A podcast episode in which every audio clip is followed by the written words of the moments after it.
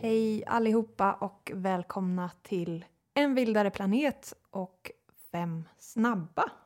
Förra veckan hade vi en massa lyssnarfrågor och därför har vi ingen uppföljnings Fem snabba på den utan idag fokuserar vi lite extra på skogsvildrenen. Eh, och idag i poddstudion så har vi Jonas Söderholm som är djurvårdare. Hej! Hejsan! Det är lite roligt. Jag tror det är först... Nej, det är inte riktigt första gången vi har en djurvårdare i poddstudion. Men det är första gången du är här i alla fall. Ja, och tack för att jag fick komma. Du är så välkommen. Ehm, så skogsvildrenen ska vi prata om. Första frågan är vad är en skogsvildren? Om man ska göra en lite komplicerat så kan man säga att skogsvildrenen är ju en underart i arten ren. Precis som tamrenen som vi har här i Sverige är. Eh, Så det korta svaret eh, är att det är en underart av ren. Men om vi fördjupar oss lite och kollar lite så här skillnader så kan vi ju se att skogsvildrenen är lite högre, lite större än vad ja, tamrenen som vi har här i Sverige. Och i Sverige har vi ju inga vilda renar utan alla renar ägs av eh, samer. Och det är bara tamrenen som vi har. Just det, för den, är, den finns inte längre i Sverige. Nej, eh, skogsvildrenen dog ut från Sverige i slutet på 1800-talet. Eh, och det har varit prat om vi ska återintroducera den, men ingenting som har blivit bestämt eller att man har gjort någonting åt det riktigt än. Så det är inte, tamrenen är inte en tam variant av skogsvildrenen. Nej, precis, utan det är en eh, domesticerad eh, av eh, fjällrenen faktiskt. Okej.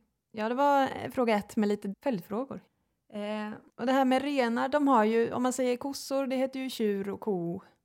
Och så heter det get och bock. Men renarna har andra namn för hona och hane. Och, Ja, men precis. Man kan ju kalla eh, hanarna för tjurar eller så kan man kalla dem för sarv.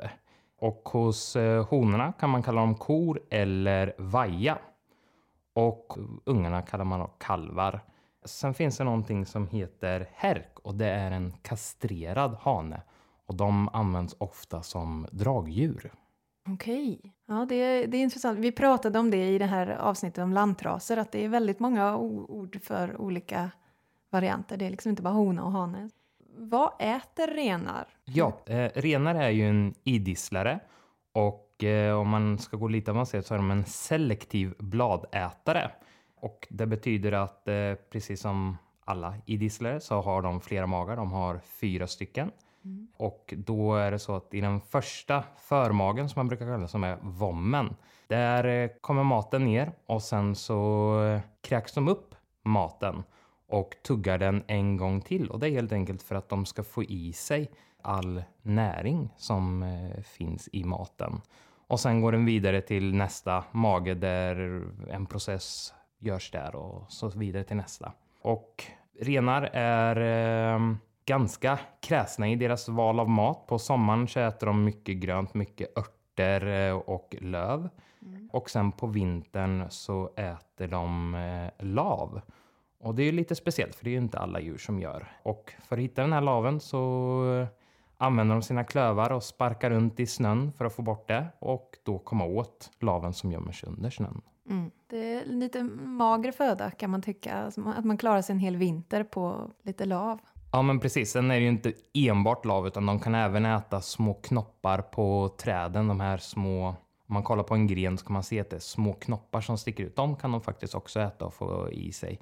Eh, mycket hallon, blåbärsris och sånt eh, innehåller många av de där smaskiga knopparna. Men laven är huvudfödan. Vi har ju skogsvildrenar här på Nordens ark. Det är ju därför. Eh, och när de går så kan man höra att det klickar lite grann. Ja precis. Kan och- du illustrera klickandet? Jag vet inte riktigt, men det, det är helt enkelt ett eh, klickande.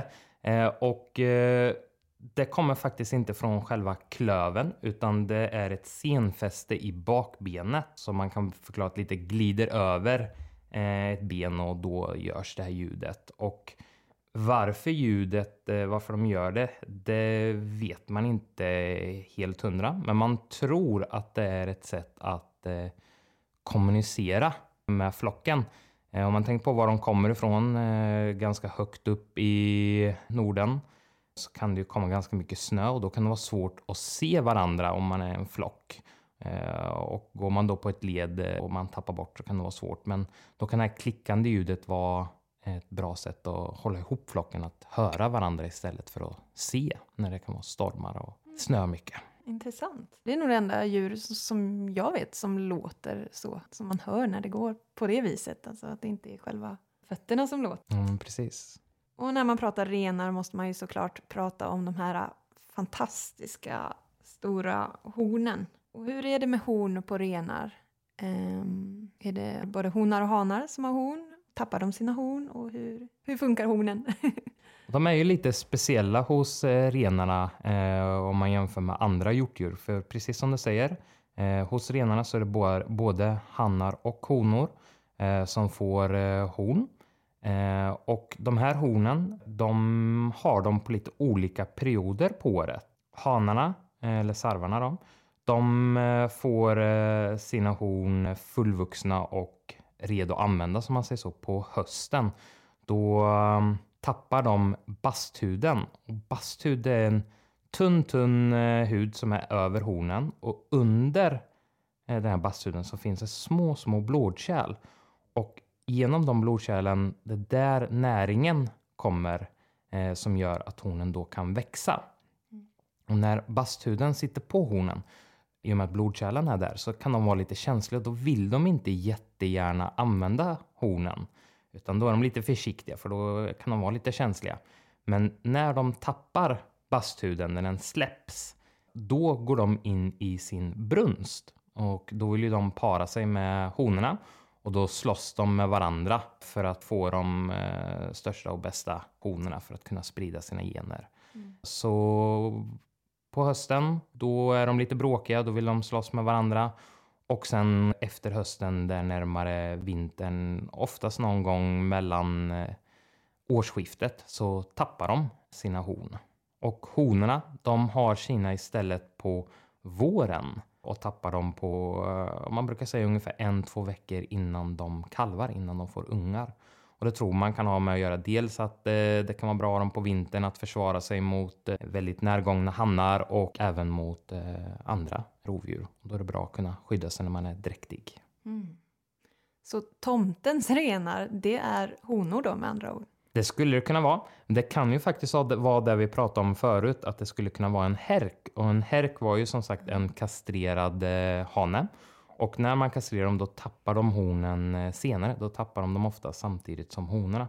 Eh, och man använder ju oftast härkar som dragdjur. Så det skulle absolut kunna vara härkar ah. eller honor. Okay. Eh, lite oklart. Ja, intressant. Då vet vi lite mer om skogsvildrenen. Tack så jättemycket för att du var här. Tack själv. Vi kanske ses igen, det vet man aldrig. Det hoppas jag.